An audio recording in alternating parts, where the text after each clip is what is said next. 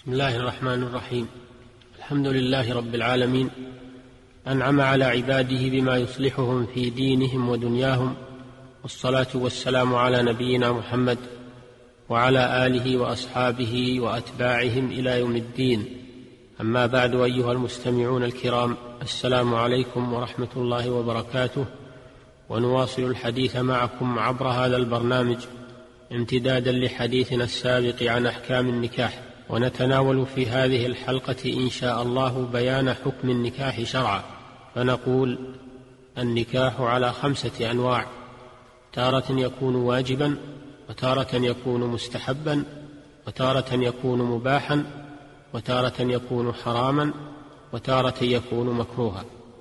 فيكون النكاح واجبا على من يخاف على نفسه الزنا إذا تركه لأنه طريق لإعفاف نفسه عن الحرام. وفي هذه الحالة قال الشيخ تقي الدين ابن تيمية رحمه الله إن احتاج الإنسان إلى النكاح وخاف العنة بتركه قدمه على الحج الواجب. وقال غيره يكون له أفضل من الحج التطوع والصلاة والصوم التطوع. قالوا ولا فرق في هذه الحالة بين القادر على الإنفاق والعاجز عنه.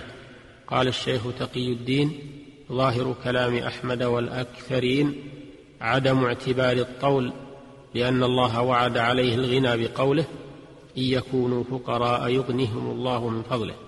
وقد كان النبي صلى الله عليه وسلم يصبح وما عنده شيء ويمسي وما عنده شيء وزوج رجلا لم يقدر على خاتم من حديد. ويستحب النكاح مع وجود الشهوة وعدم الخوف من الزنا لاشتماله على مصالح كثيرة للرجال والنساء ويباح النكاح مع عدم الشهوة والميل إليه والميل إلى الجماع كالعنين والكبير. وقد يكون مكروها في هذه الحالة لأنه يفوت على المرأة الغرض الصحيح من النكاح وهو إعفافها ويضر بها.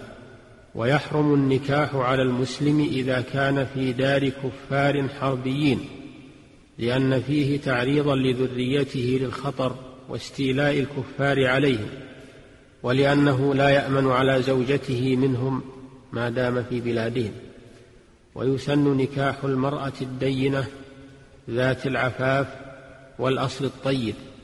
لحديث أبي هريرة رضي الله عنه أن النبي صلى الله عليه وسلم قال تنكح المرأة لأربع لمالها ولحسبها ولجمالها ولدينها فاظفر بذات الدين تربت يداك. متفق عليه.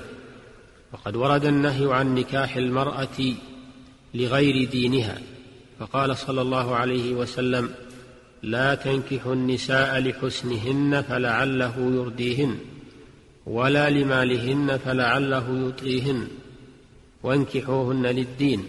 وقد حث النبي صلى الله عليه وسلم على اختيار البكر فقال لجابر رضي الله عنه فهلا بكرا تلاعبها وتلاعبك. متفق عليه.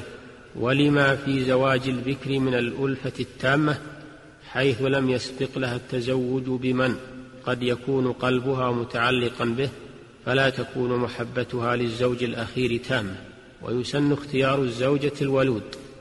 أي بأن تكون من نساء يعرفن بكثرة الإيلاد. لحديث أنس رضي الله عنه عن النبي صلى الله عليه وسلم أنه قال تزوجوا الودود الولود فإني مكاثر بكم الأمم يوم القيامة رواه النسائي وغيره وجاء بمعناه أحاديث. ويباح لمن عنده القدرة والأمن من الحيف أن يتزوج بأكثر من واحدة إلى أربع. قال تعالى فانكحوا ما طاب لكم من النساء مثنى وثلاث ورباع فإن خفتم ألا تعدلوا فواحدة.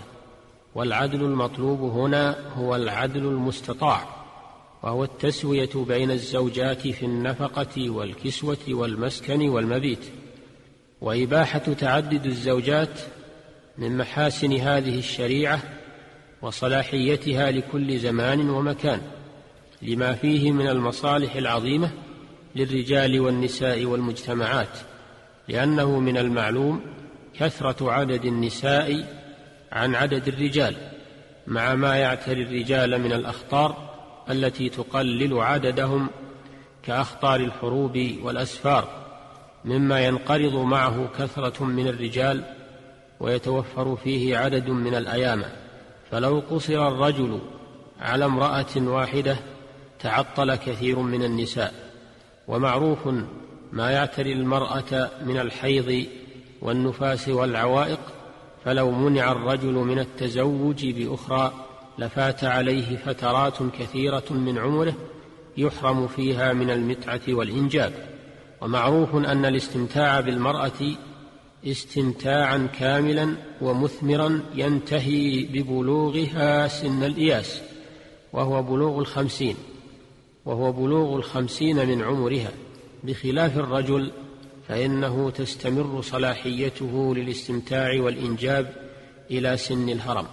فلو قصر على واحدة لفات عليه خير كثير وتعطلت عنده منفعة الإنجاب والنسل إضافة إلى أنه إذا كان من المعلوم أن عدد النساء يزيد على عدد الرجال في غالب المجتمعات البشرية فإن قصر الرجل على امرأة واحدة يترك كثيرا من النساء لا عائل لهن وبالتالي يفضي إلى الفساد الخلقي وضياع كثير من النساء أو حرمانهن من متعة الحياة وزينتها.